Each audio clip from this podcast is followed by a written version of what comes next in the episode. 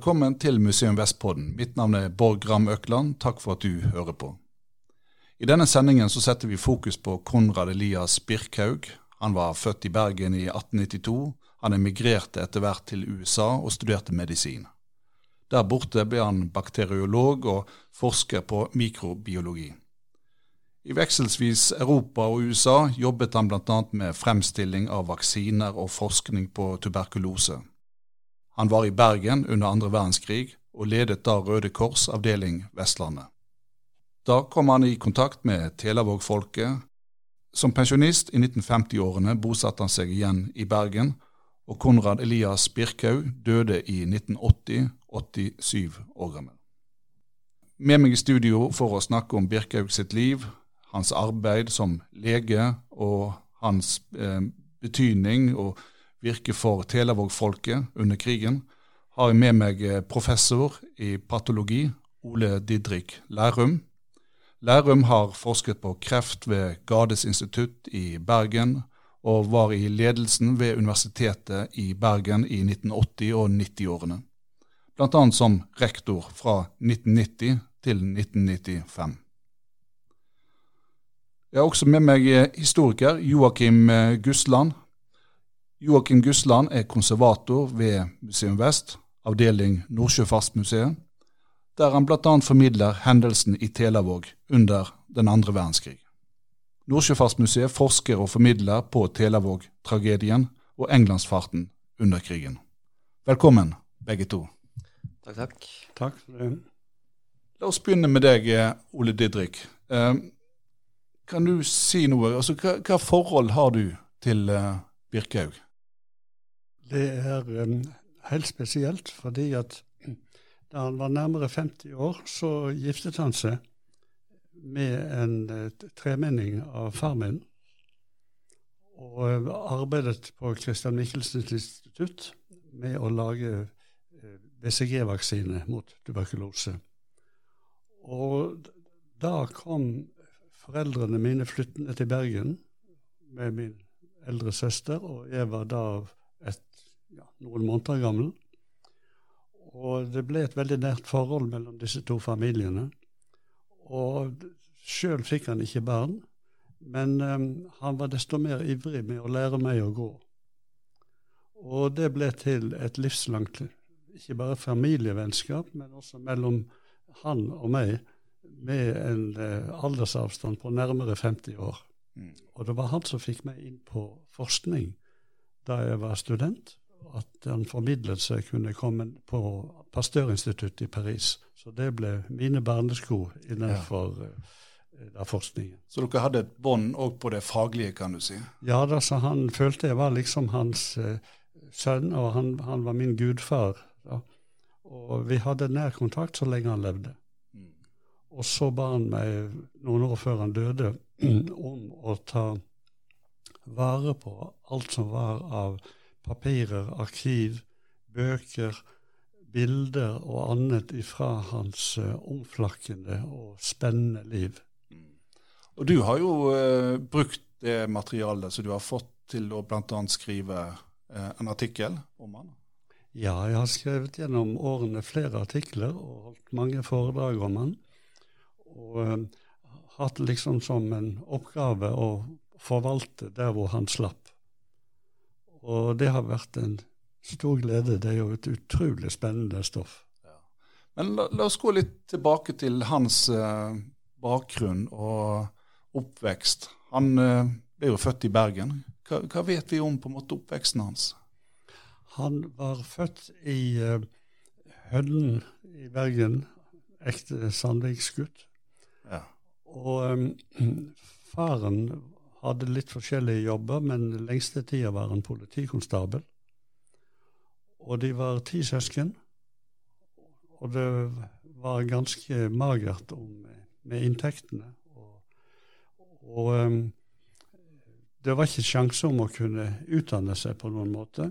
Men da, da gutten som var midt i søskenflokken, da han var kommet i slyngelårene Han var litt uregjerlig han gjorde en del ugagner.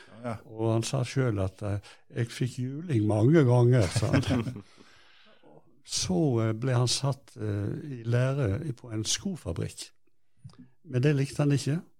Og så fikk han seg jobb på Haukeland som portør. Og en av oppgavene det var å hjelpe til ved obduksjoner. Og overlegen, som het Hans Peter Lie, som han arbeidet for, han så at gutten var veldig begavet. Og så lånte han ham bøker. Og eh, Birkhaug han slukte alt han fikk. Han begynte å lese anatomi og medisinske fagbøker i en alder da av 18-19 år. Og så sier da Li til han at du må jo studere medisin. Ja, det var hans store mål her i livet. Men jeg kan ikke det som, som en fattiggutt fra Hødlen, sa han. Ja, men kan du ikke reise til Amerika, da, for der er det muligheter? Ja, men jeg har ikke penger til uh, turen engang, sa han. Ja, men du har ikke noen slektninger i Amerika som kanskje kunne uh, forskuttere reisen for deg? Så, jo, jeg har jo to brødre der, sa han. Og så skrev han til de, og de betalte reisen for han. Og så begynte han å arbeide i Midtvesten i, som farmarbeider og klarer altså å legge seg opp penger og klarer å få high school. Han vinner en veltalenhetskonkurranse på skolen i, da som uh, gymnasiast. Og han klarer også å komme seg på college og begynner å studere medisin. Han virker jo som et virkelig arbeidsjern. og så, så, Sånn jeg har forstått det, så jobbet han på farmer i i USA, og, og kunne jo fort betale tilbake ja. billetten til, eh, som han hadde fått lånt penger av, av, brødrene. Det gikk helt fint. Ja, Og legge seg opp penger til å ta utdanning. Faktisk, altså. Og da var jo veien klar til å bli uh, lege. Men som da han hadde studert et par år, så brøt første verdenskrig ut. Altså, han reiste til uh, USA i uh, 1911. Mm. Så det var etter tre år så kom første verdenskrig. Og um, han, um, av en eller annen grunn så kunne han ikke melde seg som soldat. Men han um, meldte seg til velferdsarbeidet i regi av KFUM. Og da fikk de en sånn halvmilitær utdanning. De fikk eh, uniformer. Og så ble han satt på et russisk kurs fordi at troppen hans skulle til, eh, til eh, Russland for å gjøre nødsarbeidet. For da eh, var revolusjonen kommet i 1917. Og da, hva, nødsarbeid, hva var det det gikk på da? Det var velferdsarbeid blant eh, folk som var fattige. Det hadde jo vært hungersnød. Og eh, jeg tror også det hjalp å hjelpe til med utdanning. Men jeg vet ikke nøyaktig hva arbeidsområdene var. Men eh, han ble faktisk flytende i russisk. Og så var han så litterært interessert. Og så kommer han inn i en krets av russiske intellektuelle og blir med på litterære kvelder. Ja. Er ikke det en grevinne han møter der borte? Faktisk yngste datter til Leo Tolstoy. Han var jo adelig og hadde et gods. Og um, hun eh, var en av de som, som, underviste han, så han ble jo flink også når det gjaldt eh, russisk litteratur. Men så um, gikk dette her uh, veldig bra, men så plutselig en dag så ble de altså arrestert. Oi, Hvorfor det, da? Ja, de mente at uh, disse bolsjevikene mente at uh, amerikanerne drev spionasje. Og de var jo veldig interessert, så de reiste jo rundt, og de fikk mange venner, så det kunne jo mistenkes for det, for så vidt. Så ble de stilt opp mot en mur, og der sto de i mange timer og var redde for rett og slett at de ville bli henrettet. Men så ble de satt i fengsel sammen med dødsdømte. Satt der noen døgn. Og så ble de utvist og sendt med båt ut av landet. Og da var det ut fra Murmansk de gikk? Det var ut fra Murmansk. Men når de var der borte, de møtte vel en del uh, sentrale personer i eh, også Lenin og Ja da, han møtte Lenin, og um, han var i uh, Moskva. Og i denne dumaen så var det øverste styrende organet deres. Og der hørte han Trotskij tale, og han, uh, jeg mener han så Stalin òg. Så til barna mine så har jeg skrytt av det at jeg kjenner godt en som har sett og truffet Lenin og Stalin. ja. Nei, det, det, er jo midt oppi begivenhetene her nå, og, og under første verdenskrig. Og ja, han, han kommer seg eh, eh, Han blir sendt ut av landet, ut av Russland. Hvor drar han da? Jo, da var det spørsmål om andre behov, og, og da eh, hadde noen av de verste slagene eh, mellom Tyskland og Frankrike stått. Og han kom der Eh, sammen med troppen sin ikke så lenge etter. Men så var det blitt fred, for da var det blitt 1918. Og så um, var jo tsarregimet i Russland det var jo uh, avskaffet. Og de mange tusen russiske soldatene de hadde egentlig ikke noe fedreland å komme til. De visste jo ikke hvilken skjebne de ville få. Og mange av de var, hadde vært livegne og de var analfabeter. Og i påvente av eh, en beslutning om hva de skulle gjøre, så ble Birkhaug satt til å drive undervisning og kanskje lære de å lese og skrive. Det var spørsmålet. Men så fikk de et stort problem, og det var eh, De hadde jo ikke noen lærebøker. Og de kunne ikke skrive til Sovjet-Russland og uh, be om lærebøker. Så, men han var såpass god i, russ, i russisk at um, han begynte å trykke ABC-bøker for dem. Men de hadde ikke noe trykkeri, så da tok han poteter og farge. Og så laget han satser, og så trykket han med dem. Og den læreboka har jeg hjemme. Synd jeg ikke tok den med i dag. For den er helt rørende å se. Den er ganske ja. liten, men den fungerte til formålet. Og med rød skrifter så var den trykket. Fascinerende. og Det viser jo at han fikk jo bruk for disse her russiskkunnskapene sine. Da. Ja da, til de grader. altså. Men så eh, tok han en tur rundt i Europa, og så eh, dro han tilbake igjen til USA og fortsatte studiene. Og da var han ved en av de mest prestisjetunge medisinske universitetene, og det var Johns Hopkins i Baltimore. Og der eh, ble han ferdig med glans. Og han måtte jo skrive til Hans Peter Lie og fortelle at nå var han blitt lege. Og fikk jo et langt gratulasjonsbrev. Men eh, så begynte han med en gang i mikrobiologi. Og han begynte også å forske der. Han var nysgjerrig som få. Og da var det en sykdom som var veldig plagsom og hadde forholdsvis høy dødelighet. Det var over 10% så døde den. Og det var sykdommen rosen. Det er en sykdom der bakteriene streptokokker setter seg i huden. Det begynner da som en halsesyke, men så setter de seg i huden. Og har man først fått den sykdommen, så kommer den veldig lett igjen. Men så um, begynte han å forske for å se om han kunne lage et antiserum mot eh, disse bakteriene.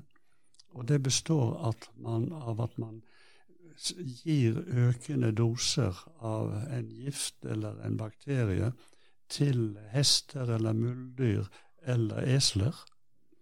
Og så når de er blitt immune, så tapper du av blod, fjerner de røde blodlegemene, og så bruker du den gule væsken som blodet flyter i. Og den kan du fortynne, og så kan du sprøyte den på de som har fått sykdommen. Og det var det første behandlingsmiddel man hadde mot denne sykdommen. Så han ble verdensberømt på det i forholdsvis ung alder. Og her, her brukte han et eh, esel, gjorde ikke han det? Da brukte han et esel. Han hadde søkt om forskningspenger, men han fikk ikke mye.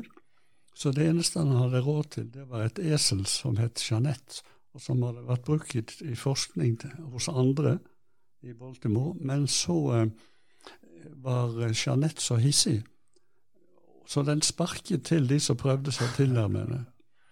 Men Birkhaug han var lur. Han, han, han tenkte at det eselet får jeg jo ganske billig, og jeg må bare være litt eh, koselig med det, så kanskje det går bra likevel. Så kjøpte han eselet, og så begynte han å klappe det og, og, og behandlet det som et vanlig husdyr. Og så begynte han forsiktig å sette sprøyter med bakterier. Og når de var blitt gode venner, så tålte eselet det. Jeg tror det ble et par spark, men det klarte han seg unna.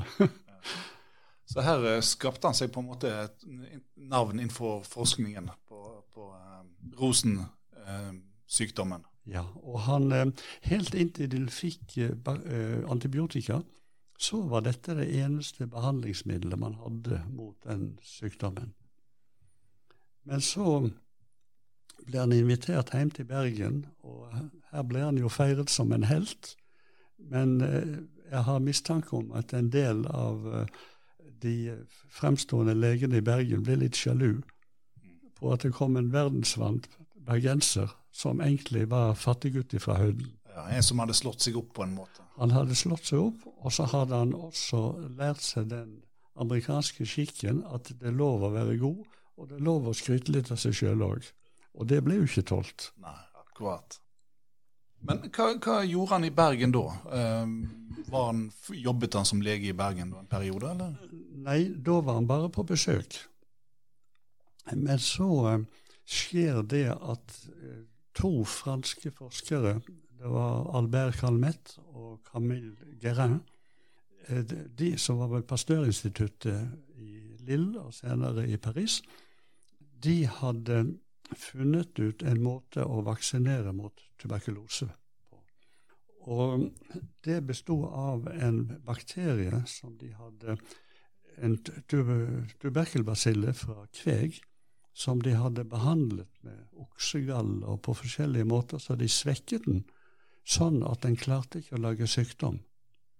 Men hvis du sprøytet den på uh, pasienter, så ville den lille infeksjonen som den laget i huden, den var nok til at ble, pasientene ble immunisert mot eh, tuberkulose.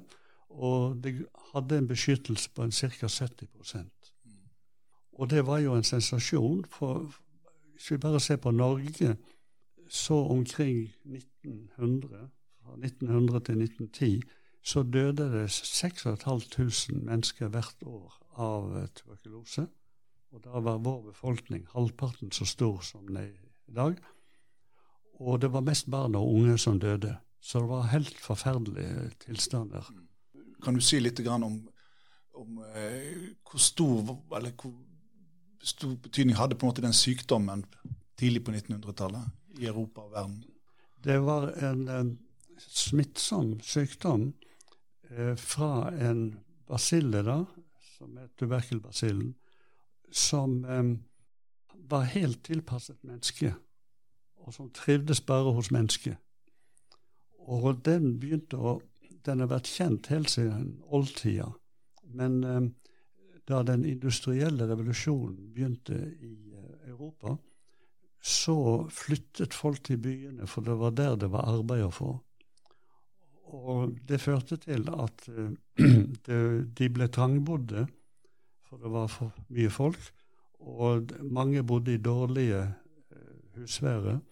Og de bodde tett innpå hverandre, så det var lett å smitte hverandre.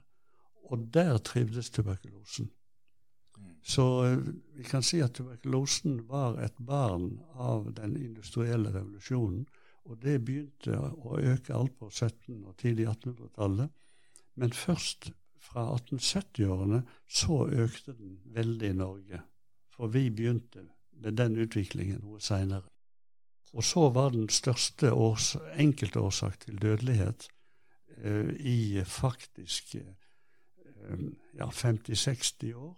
Og vi hadde tuberkulosen da helt fram til nærmere 1970. Så gjennom 100 år så kostet den faktisk eh, mellom 300 og 500 000 menneskeliv. Og mest barn og unge. Og i Paris i Frankrike så kommer også Birkhaug i kontakt med på en måte forskningsfronten på tuberkulose. Ja, han kjente til det. Men så skjer det en katastrofe. Fordi at um, Tyskland og Frankrike var jo erkefiender rent politisk. Etter uh, ikke bare første verdenskrig, men også krigen i 1870-71. Og um, de kjempet om å gjøre de store nye utviklingene, oppdagelsene innenfor medisinen. Men uh, tyskerne stolte bare på funnene de hadde gjort, og franskmennene de stolte mest på sine funn. Og Derfor så var uh, tyskerne veldig skeptiske til denne vaksinen. Og det hevet seg røster for at uh, kanskje denne basillen var farlig likevel. Men så til slutt så ga det seg, og så var det bl.a. Eh, Lübeck, byen, som bestilte vaksine fra Albert Calmet. Eh, så de kunne begynne å vaksinere nyfødte, for det var så mange som døde som veldig små. Og de vaksinerte, vaksinerte da ja, tenker med noen hundre eh, med en eneste gang. Og så skjer det at av de barna så var det mellom 70 og 80 som døde av en veldig raskt eh, progredierende tuberkulose. Mm. Og Dette her blir jo en stor sak i media og opinion. Ja, en stor sak. Og um, legene i Lübeck de sa de hadde gjort det nøyaktig slik som vaksinasjon skulle gjøres uh, etter Albert Calmet sine anvisninger. Og det var ikke noe feil med den, og sånn, så derfor så var dette en farlig vaksine. Um, og det var jo et skrik fra de stakkars mødrene, men fra hele folket. Og så ble det en rettssak for å belyse det, bl.a. Eh, for å se om det var rett med påstandene om at Carl var egentlig en morder. Og han var jo helt knust. Men så til rettssaken i Lübeck, så, og dette var i 1929, så ble det sendt observatører fra forskjellige land, for det angikk jo mange, dette. Og Birkhaug han var da så kjent at han ble bedt av eh, helsemyndighetene i USA om å reise til Europa og undersøke tilfellet, og også være til stede ved deler av rettssaken. Så siste omgangen av rettssaken, da satt han der og hørte. på. Så um, dette er altså en ren kriminalhistorie. Ja, ja. Når han var i Lybekk og fulgte med på denne saken, så hadde han jo òg et oppdrag om å skrive en rapport. Hadde han ikke det? Han var nokså nøye med å notere, og reiste etterpå til Frankrike. Og rapporten hans kan vi trygt betegne som en kriminalrapport. Ja vel? For historien er ikke ferdig med dette. For i annen omgang av rettssaken så eh, ble også en nonne eh, da eh, forhørt. Hun skulle vitne, da. For det var hun som utførte det daglige arbeidet med å ta hånd om disse BCG-kulturene med den svekkede basillen. Og på forhånd så hadde Calmette gitt ganske strenge anvisninger. At um, du, hvis man dyrker farlige tuberkelbasiller i eh, den avdelingen hvor du holder det, så må du aldri ha farlige tuberkelbasiller og vaksinebasiller i samme skap. det er selvsagt. Men det er så farlig at du må heller ikke ha det i samme rom. Så du skal helst ha det i hver sin ende av bygningen. Akkurat. Og um, så ble det et um, viktig punkt, for de lurte på kunne det skjedd en forveksling. Og legene de bedyret at alt var gjort riktig, og hun bedyret også at eh, dette var gjort helt korrekt. Men så, mens hun blir eh, krysseksaminert, så begynner hun plutselig å gråte og bryter sammen. Og innrømmer at de har dyrket vaksinebasiller i samme skap ved siden av skåler med farlige tuberkelbasiller. Og hun forteller også at en dag så hadde etiketten på to av skålene falt av. For det var for lite lim, eller hva det var. Men hun skyndte seg å lime på slik hun trodde det hadde vært. Oi. Og det var nok hele forklaringen. Så da var altså vaksinebasiller merket som farlige, og farlige basiller var merket som ufarlige vaksinebasiller. Og så begynte de å vaksinere spedbarn med det. Med dødelig Med dødelig. Fordi at, og da fikk de jo så store mengder at det var jo Disse bitte små, det var jo helt forferdelig. Og um, i stedet for at det var Kalmett som ble hengt ut som morder, så var det disse to legene, og de fikk lange fengselsstraffer. Og um, dermed så var den saken oppklart, men det tok en hel del år før man uh, stolte helt på vaksinasjonen likevel. Så vaksineskepsis fantes den gangen akkurat som nå, ja. men den gangen med mye større grunn enn det er i dag. Og uh, det hører med til historien at først i 1946 så ble BCG-vaksinering mot tuberkulose det ble obligatorisk blant barn i Norge. Akkurat. Så, og dette skjedde i 29. Ja. Og eh, etter denne rettssaken så, så utviklet seg vel et vennskap mellom Birkhaug og franske legen? Ja da, for han, eh, han reiste etterpå til Paris og gikk gjennom da alle arbeidsforholdene der for å forvisse seg om at her gikk det skikkelig for seg. Og så fikk han så veldig god kontakt med Albert Kalmett, som da var en mann på ca. 60 år. Og så sier Kalmett at eh, kan ikke du komme og arbeide hos oss? Det hadde vært veldig kjekt, for du har jo tilsvarende bakgrunn med serumproduksjon og alt sånt. Jo, han, han var egentlig ledig for han hadde tidsbegrenset stilling i, eh, i USA. Og så var det ikke lenge før han kom over, og det var i begynnelsen av 30-tallet. Jeg tror det var 31. Og så arbeider han seg fort opp til å bli nestkommanderende på BCG-avdelingen under Albert Calmet, eh, midt i Paris, der det gamle Pasteurinstituttet ligger. Og der står det i dag en statue av Albert Calmet. Og så eh, På mange måter så ble Calmet en far for Birkhaug, fordi at hans egen far hadde vært eh, veldig streng som politikonstabel og eh, Birkhaug var en litt uh, ustyrlig gutt, så det gikk ikke helt i hop. Mens her fant han en farsskikkelse som tok hånd om de mer humanistiske interessene og evnene som Birkhaug hadde. Ja, for han, han, han, han var eh, ikke bare medisiner, altså han hadde eh, evner på mange områder. Kan, kan, du si litt om hva, hva, hva han eh, var opptatt av der?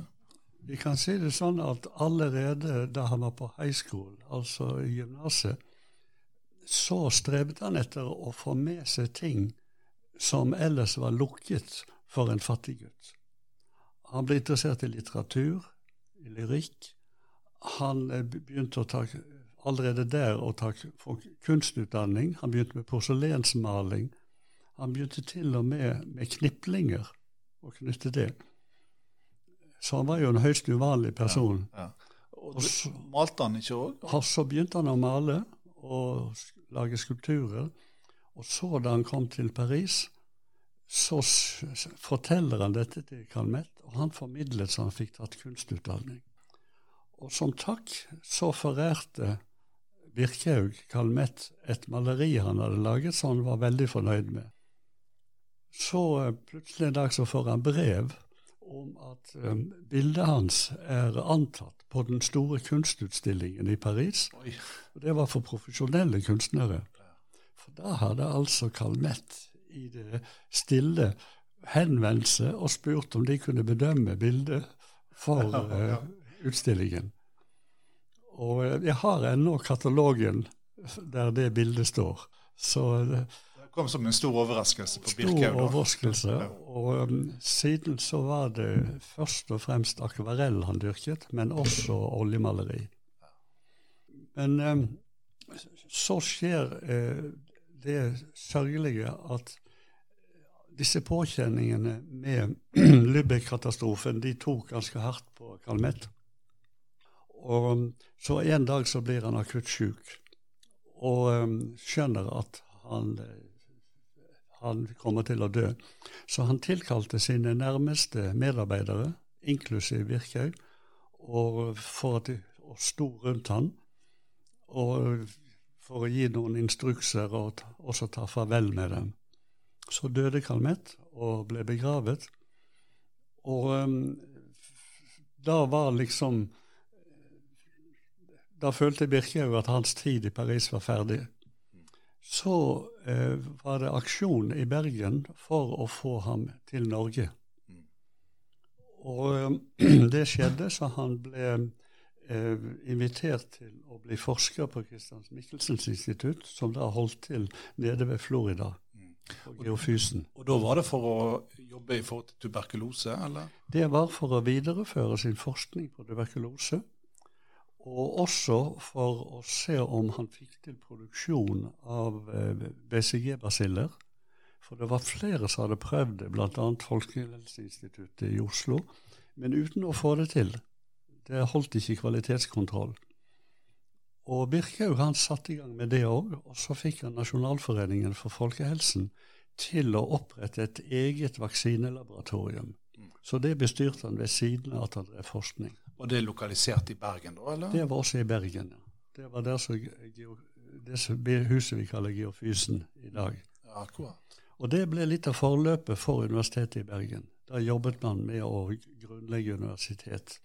Og han hadde flere medarbeidere som senere ble forskere, og som ble kjente folk i norsk medisin.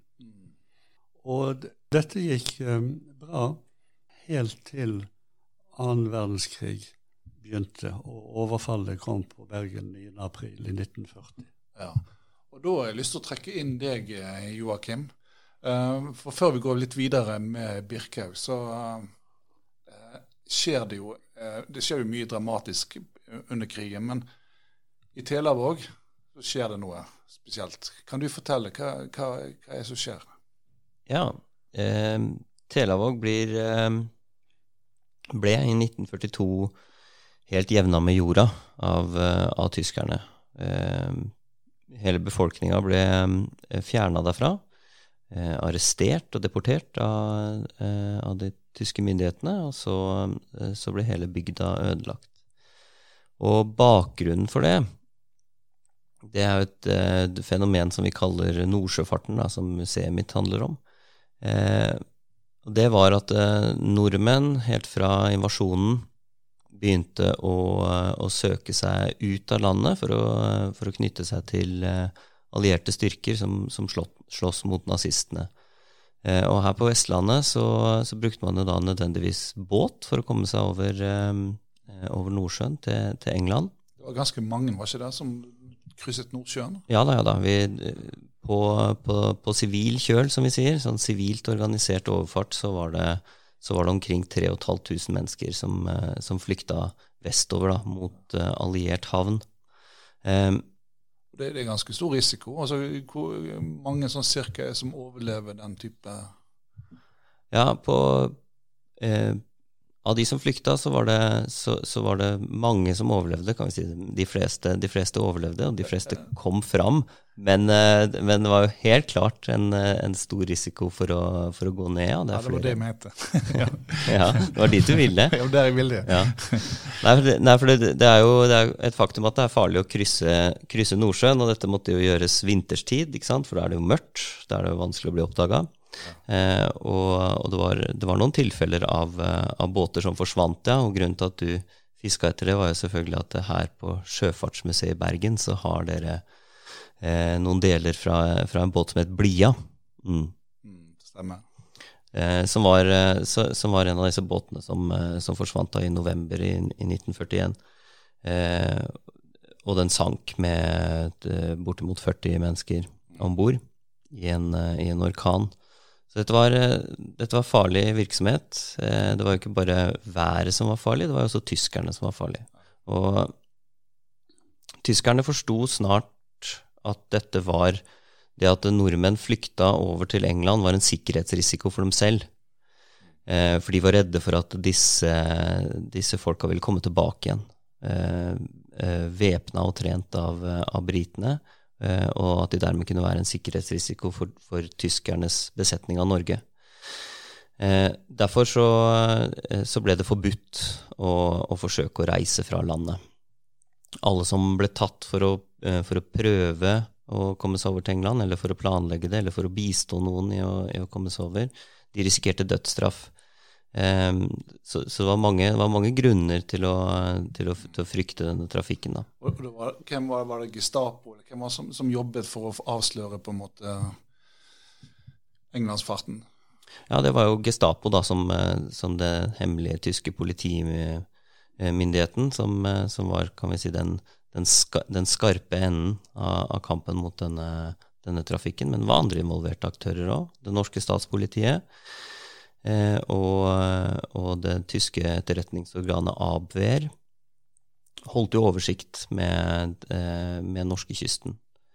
Eh, men det var, det var i første rekke Gestapo som sto for for aksjonene mot de forskjellige norske motstandsgruppene da, som vokste fram, og som, som eh, benytta seg av Englands fart for å holde kontakt med, med, med norske eksilmyndigheter og, og, og, allierte styrker. Mm. akkurat i tilfellet Telavåg så er jo Englandsfart involvert. Telavåg var et viktig et viktig utgangspunkt for, eh, for Englandsfart, eh, sammen med resten av, av Sotra og Øygarden. Så det var flere båter som, som, reiste derfra i 1940 og 41. Og så kom det også båter tilbake igjen. Og det var disse båtene som kom tilbake igjen, som var, som var det store problemet for, for, tyskerne. I Storbritannia så, så ble det jo fra eh, fra tyskerne invaderte Skandinavia og, og Frankrike i, i, 1940, så ble det et stor innfluks av flyktninger i Storbritannia. Så der hadde de en, et stort problem med, med, med, mange mennesker som skulle huses og settes i, settes i et eller annet arbeid. Eh, men det var jo også en viktig ressurs, fordi disse menneskene var jo eh, kjente de besatte områdene som de kom fra, veldig godt, og de var også stort sett motivert for å, for å kjempe tilbake mot eh, nazistene. Da. Eh, så britene organiserte noe som de kalte Special Operations Executive, som er på en måte de første spesialstyrkene. Eh, og de hadde som formål å, eh, å drive sabotasje, etterretning og Eh, og geriljatrening i, eh, i de okkuperte områdene i Europa. Og rett og slett gjøre livet vanskelig for tyskerne der de var, da. Dette er på en måte et slags forløper på en måte for Shetlandsgjengen, eller? Ja. Shetlandsgjengen er, eh, var en del av SOE, Special Operations Executive. Og grunnen til at Shetlandsgjengen ble, ble etablert, det var jo at når SOE begynte å trene agenter som skulle operere i, eh, i Europa, blant, blant, dem nordmenn, tre, så trengte de et eller annet eh, formål for å sette dem inn. Ikke sant? Eh, I, i Frankrike så var det mulig å, eh, og sette inn agenter med fly. Man brukte småfly, fløy over kanalen, landa på et jorde og så slapp ut agenten, og så fløy man tilbake igjen. Eh, eller fallskjerm kunne man bruke òg. Norge lå akkurat litt for langt unna i rekkevidde til, eh, til at man kunne bruke eh, fly på en sånn jevnlig basis. I tillegg så, eh, så kjenner vi jo Vestlandet. Topografien her er jo ikke alltid egna for å lande i verken med fly eller fallskjerm. Vi kjenner været. Veldig vanskelige værforhold. Så man valgte i stedet å bruke båt. Og da var det jo sånn at det hadde kommet en drøss med Eh, norske fiskebåter over, som, eh, som, en del av den første bølgen med englandsfart. Så britene hadde tilgang til, eh, til mange fiskefartøy som, der, som, var perfekt kamuflert. fordi de så jo de så ut som en hvilken som helst fiskebåt. Og da bestemte de seg for at de skulle bruke Shetland som base for å, for å reise over til Norge med, med, fiskebåter og sette inn agenter på den måten. Og det var det som ble Shetlandsgjengen. Og, og Shetlandsgjengen de, de gjennomførte en rekke oppdrag for, for SOE inn mot norskekysten fra 1941 av. Eh, og oppdraget var, eh, var, alltid å eh, ta seg uoppdaga inn til kysten, sette fra seg eh, agentene og eventuelt last som de hadde, og så, eh, og så forhåpentligvis komme seg ubemerka tilbake igjen. Og noen ganger hadde de da med skal vi si som en, som en slags bonus med seg sivile flyktninger også på, på tilbakeferden. Så befant det seg vel da agenter i Telavåg?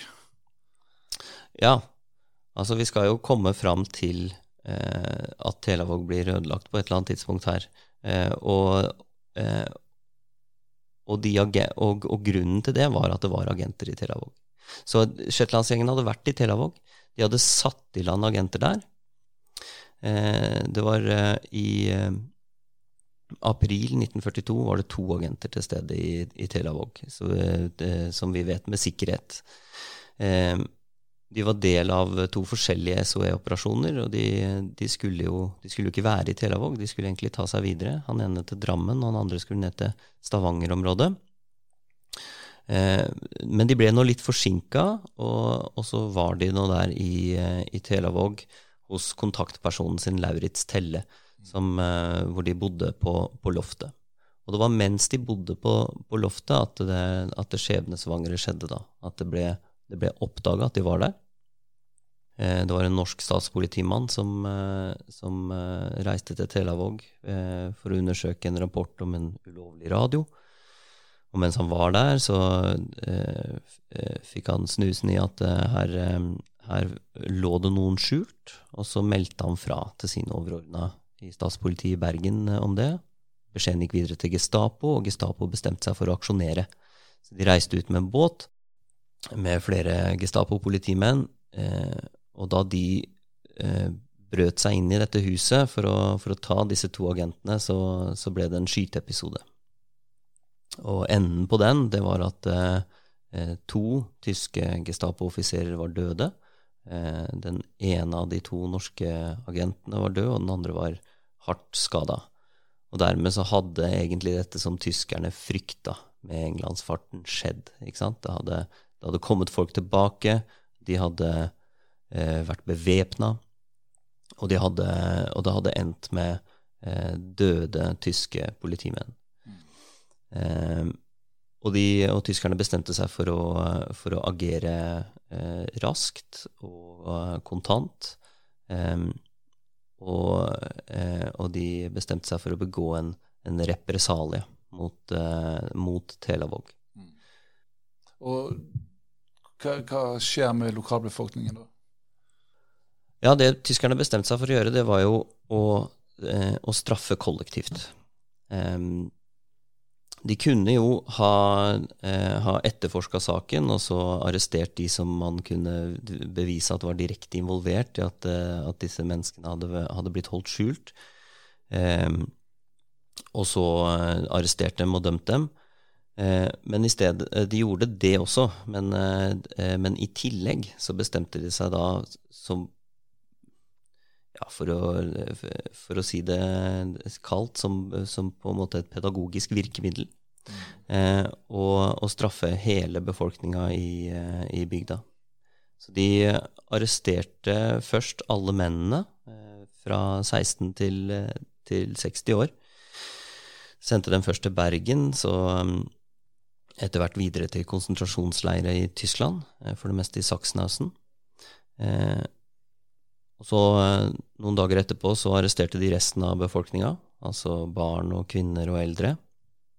Og det er altså eh, barn nede i spedbarnsalder. Den yngste var de tok alle, altså? Ja. Den yngste var bare fire uker gammel, og den eldste var 94. Mm. De ble arrestert, og så ble de sendt med båt inn til, inn til Bergen. Eh, og, så, og, så, og, så, begynte de å destruere hele, hele bygda. De, altså alt ble brent? Ja, de sprengte og brant alle bygninger som var der. De slapp alle dyra løs, bare. Eh, de konfiskerte og senka de båtene som var der. Ødela brygger, ødela brønner. Det var, eh, det var noen få jordkjellere og to naust som sto igjen da de var, eh, da de var ferdig. det skulle ikke være mulig å bo der, rett og slett? Eller? Nei. De, eh, de skulle De skulle slette Telavåg fra kartet. De, de, de, var i gang med å slette referanser til at stedet eksisterte uh, i, i, kart og i dokumenter. Mm. En sånn slags uh, minnedrap. Ja. Samtidig så gjorde de det uh, helt offentlig. Altså, vi har bilder fra at dette skjer, og det er, litt, det er tyske fotografer som er ute og, og dokumenterer arbeidet. Terboven, altså rikskommissæren i, i, i Norge, eh, deltok personlig. Eh, man skrev om det i norske aviser. Dette var, eh, dette var en form for pervers pedagogikk. Sånn at den norske sivilbefolkninga skulle forstå at eh, at uh, den aktiviteten, denne sabotasjen mot, uh, mot, de tyske okkupasjonsmyndighetene, var ekstremt farlig. Så det var sett et eksempel, rett og slett. Ja. Men, men eh, tilbake til kvinnene og barna. altså Hva skjer med de?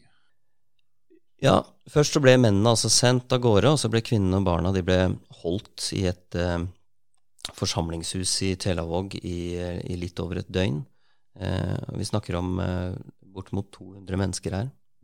Eh, i, et, eh, i, et, ganske lite hus i eh, en, eh, en kald aprilnatt. Eh, det var fortsatt snø på bakken i, i Telavåg i, i, april i 1942. Der ble de holdt uh, en stund, og så, og så, fikk de beskjed om å gå om bord i noen båter. Og da var jo folk sultne, trøtte, engstelige, og de ante ikke hva som skulle skje med dem.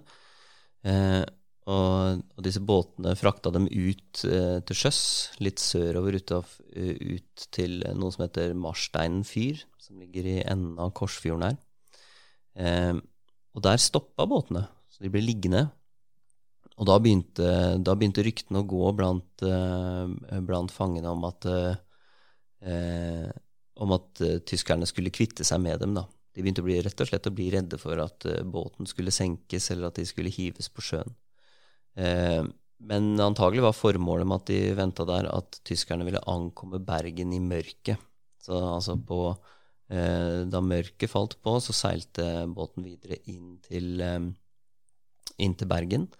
Og der ble, der ble, disse fangene internert på, på det som het Store Tveit skole. Det heter Paradis skole i dag. Um, og, og, der ble de tatt imot av en slags eh, velkomstkomité av, uh, av Røde Kors, som hadde fått beskjed om at det skulle komme fanger, og de hadde klart å samle inn eh, senger og sengetøy og klær og mat til disse menneskene, sånn at de kunne innlosjeres i gymsalen og litt rundt omkring på, på skolen. Uh, og det er der uh, Konrad Birkhaug kommer inn i den, fortellinga. Mm. For han var på dette tidspunktet leder i, uh, i Røde Kors på Vestlandet. Um, og de, de, fikk helt fra starten av et slags ansvar for, å, for velferden til, til tel Telavåg-folket. Her på Storetvedt så, så, møtte jo altså kvinnene og barna fra Telavåg Birkhaug. og hva rolle fikk Birkhaug her på, på uh, Store Tveit? Og her, her, ønsker jeg at dere skal utfylle hverandre, begge to. Jeg kan vel, jeg kan bare si det sånn at han oppsøkte dette her, de hadde hørt om det, og han mobiliserte da personer til hjelpearbeidet.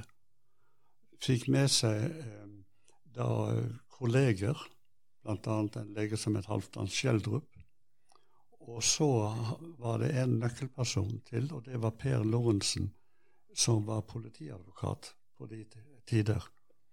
Han var med også. Og um, så var det flere sykepleiere. Og um, de um, satte i gang da med Det var, hadde jo vært en innsamling som Joakim snakker om. Det skjedde med lynets fart. Og dels så uh, aksepterte de tyske troppene det. Men dels så ble det ganske store kontroverser. Bl.a. fordi at Birkhaug var så hissig og sint for dette her. Og med jevne mellomrom så puttet de han i kasjotten. Blant annet at han satt inne noen timer eller inntil forhør, og så ble han eller ble løslatt neste dag. Og så var det på han igjen. Oh, ja. Var, så var temperamentsfull? Altså. Han var veldig temperamentsfull, men han satte seg i respekt. Og eh, de fikk da til å ha et, et ansvar for da å hjelpe dem. Det kom også prest og holdt gudstjenester. Og langsomt så roet dette seg. Men eh, så var det usikkert om eh, hva tyskerne tenkte å gjøre med disse internerte.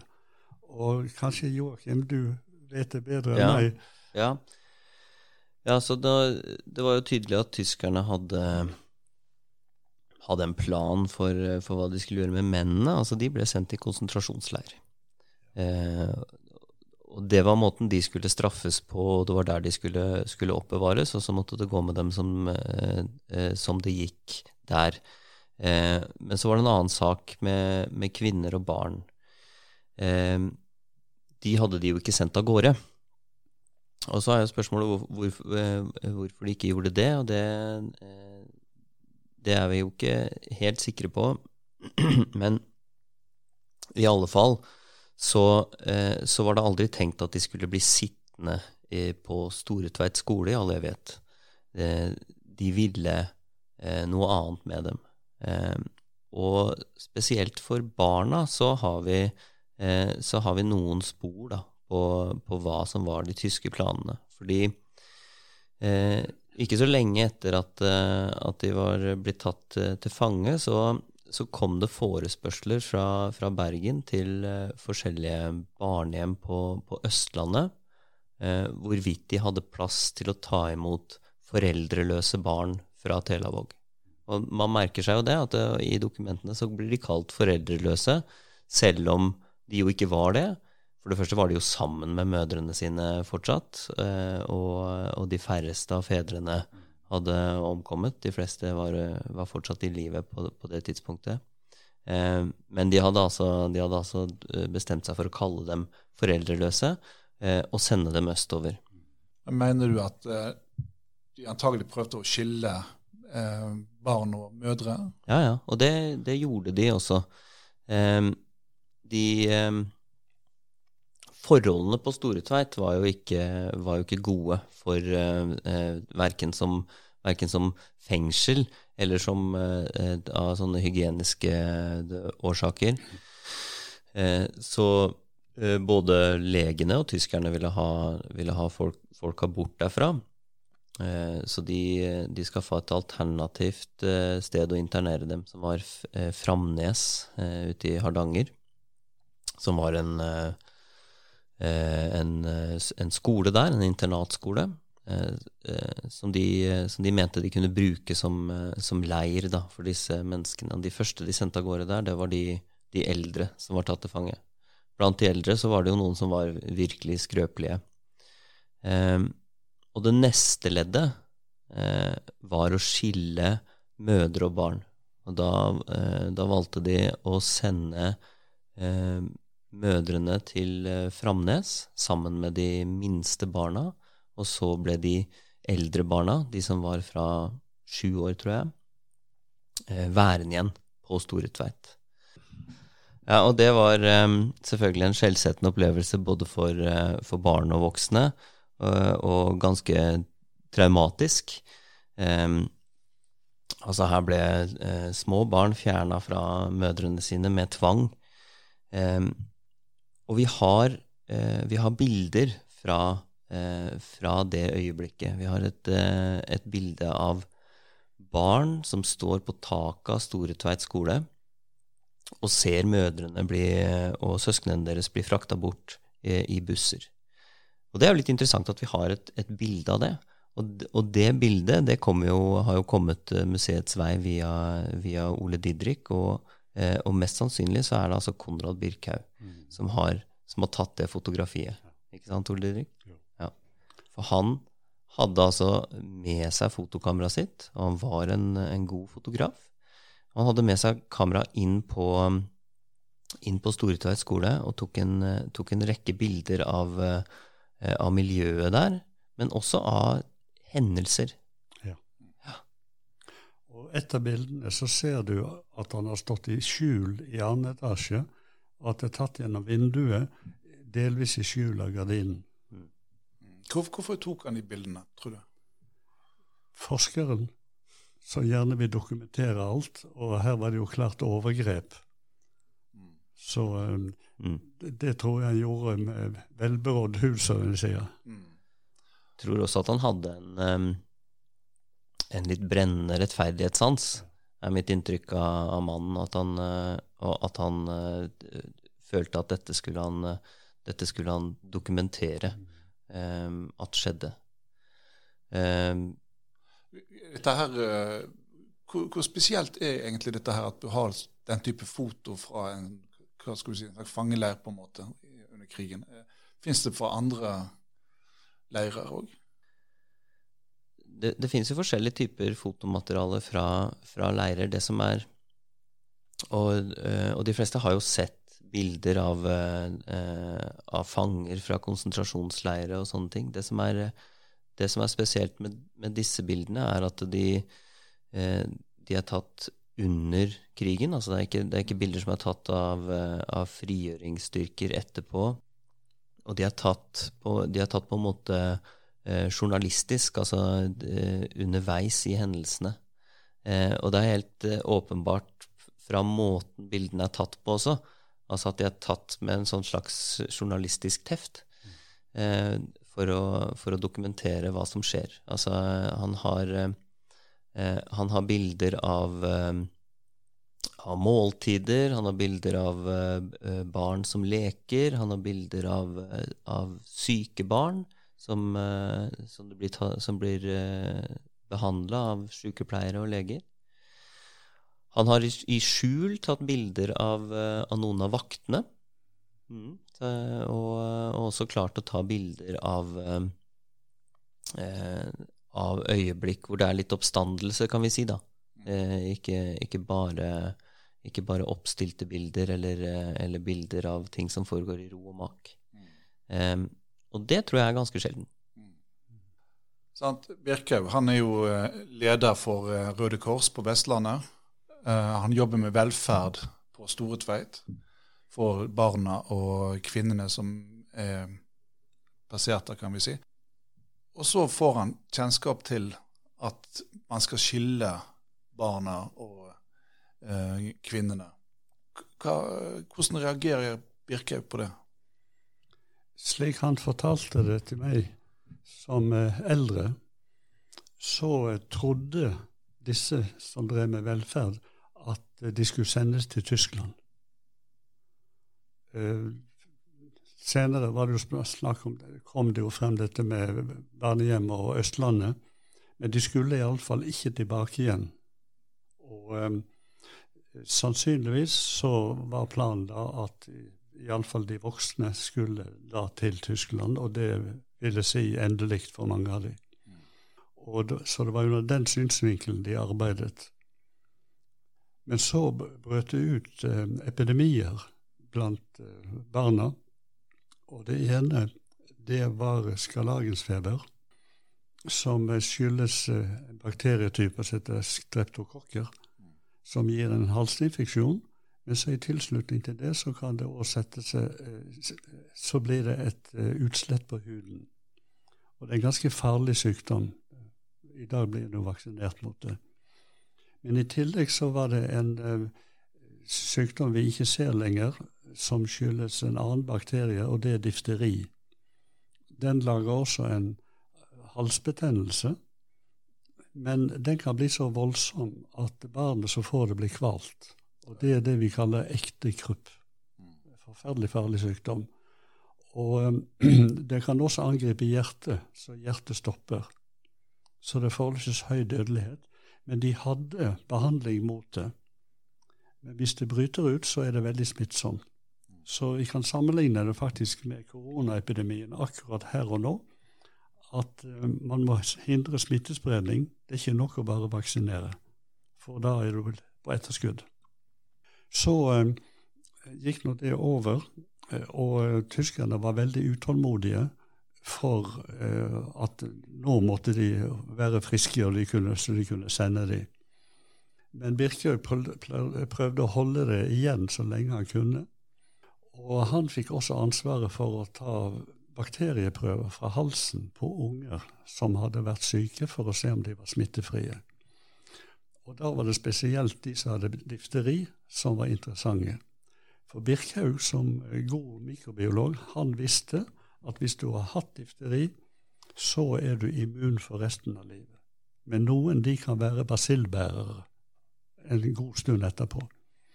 Så det han har gjort, det er at han hadde med seg kulturer av difteribasillen, og så podet han de i svelget på et par barn som hadde hatt difteri. Neste dag så skulle han ta prøve under tilstedeværelse av en tysk soldat.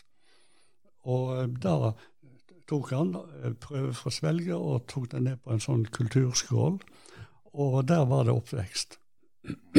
og da hadde han jo beviset. Ja. At, eh, så han sa at hvis dere sender de til Tyskland, så kan det bli en forferdelig farlig epidemi. Ikke bare for leirfanger, men også for tyske soldater. Og det våget ikke tyskerne. Men så fattet de mistanke, og det skriver han om i eh, den eh, Telavåg-boka som han skrev etter krigen, at de tok han inn til forhør flere ganger og mente det var ugler i mosen. Men de fikk aldri has på han. Ja, for Dette her må jo ha vært et uh, høyt spill fra hans side? Han hadde nok blitt skutt med en gang, men det som verre var, er jo at hvis det hadde blitt oppdaget, så hadde de også tatt hans frivillige medarbeidere. Og um, det er nok grunnen til at han aldri fortalte om det. Men uh, far min, som sto nokså nær til han som var tuberkuloselege, han fikk vite det. Så det er kilden min. da. Han var lege på Voss i mange år. Ja, for før, eh, før Ole Didrik eh, bekrefta dette her for oss eh, for noen få år siden, så, så, så var jo dette, dette med at, at Birkhaug skulle ha på en måte forfalska en, en difteriepidemi, en, et rykte Mhm. som, som, som, var helt ubekrefta, og som, som, egentlig, må man si, eh, høres litt sånn usannsynlig ut. Mm. Altså at, en, altså at en, en, lege, en samvittighetsfull lege sådan, skal, eh, skal, skal ta farlige bakterier og pode dem inn i halsen på, på små barn, og så skal, og så skal klare å, å komme unna med det under de forholda der, det er på en måte det er, det er litt, vanskelig, litt, vanskelig, å tro på. Men på den annen side så, eh, så har vi snakka med eh, mange av de som var barn. altså de, mange, av de, mange, av disse fangene bor fortsatt i, i Telavåg, de av dem som, som fortsatt er i live. Noen av dem eh, satt, på, eh, satt i difterikarantene under, under fangenskapet. Eh, og de de sier de følte seg ikke noe sjuke, de. For, eh, men det var, det var, noe sånn at legen kom og pirka i halsen, og så fikk de beskjed etterpå at nei, du må sitte her fortsatt i karantene. Ja.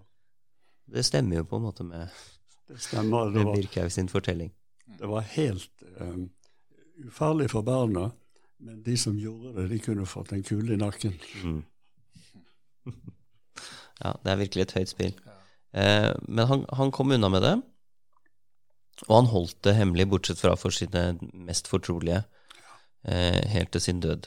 Og hans mest fortrolige holdt det også hemmelig helt til, eh, eh helt til Ole Didrik fortalte det eh, for, eh, for, oss på museet og for Telavåg-folket for eh, to-tre år siden. Mm. Etter krigen så hadde han jo kontakt med Telavåg-folket, hadde han ikke det? Veldig nær vennskapelig kontakt. Og um, alltid når de hadde samlinger, og det skulle minnes noe om denne fæle tiden, så ble han invitert. Mm. Og til bursdagene sine så fikk han gratulasjonskort. Og um, de laget også sånne adresser, altså hyllings... Ja, ja. Der alle er undertegnet. Ja. Og det, jeg vet ikke om det er på, på Televognmuseet nå, men uh, det var i hans uh, etterlatte papirer, og vi donerte noe av det til medisinske historiske samlinger, men så er deler av det blitt borte. De er verre. Men på Nordsjøfartsmuseet, der uh, kan publikum på en måte se gjenstander, kan ikke det? Også noen av de fotoene du har nevnt, Joakim. Uh, er ikke det en utstilling? Akkurat nå så, akkurat nå så er ikke den utstillinga oppe, okay. dessverre. Men vi jobber jo med eh, Den utstillinga var i første rekke en permanent utstilling som vi lagde i 2018.